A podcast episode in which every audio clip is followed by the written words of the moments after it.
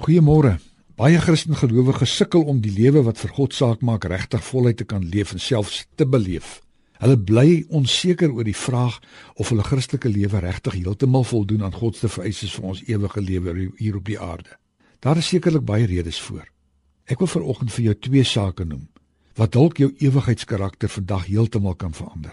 Die eerste is dat jy nie die ewige lewe met jou inspanning om 'n goeie mens te word kan verdien nie.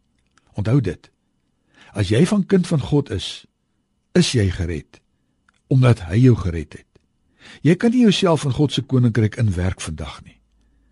Jy leef daarom nie as ewigheidsmens om God te beïndruk nie. As verloste leef jy die lewe wat vir God saak maak omdat jy reeds gered is. Is dit nie 'n bevrydende wete nie? Dis net God wat my verander. Nie ek self in my daaglikse inspanning om 'n goeie mens te probeer wees nie. Hou vandag daarin vas. Jy is gered. Daarom kan jy leef. Die tweede saak wat ek vanoggend onder jou aandag wil bring is die sekerheid van jou verlossing. Hoe weet ek dat God my gered het? Hoe weet ek dat ek die ewige lewe wat ek nou reeds moet leef, ook reeds besit? Luister na 1 Johannes 5 vers 12. Hy wat die seun het, het die lewe. Natuurlik sê Johannes is die teenoorgestelde ook waar. Wie nie die seun van God het nie, het nie die lewe nie.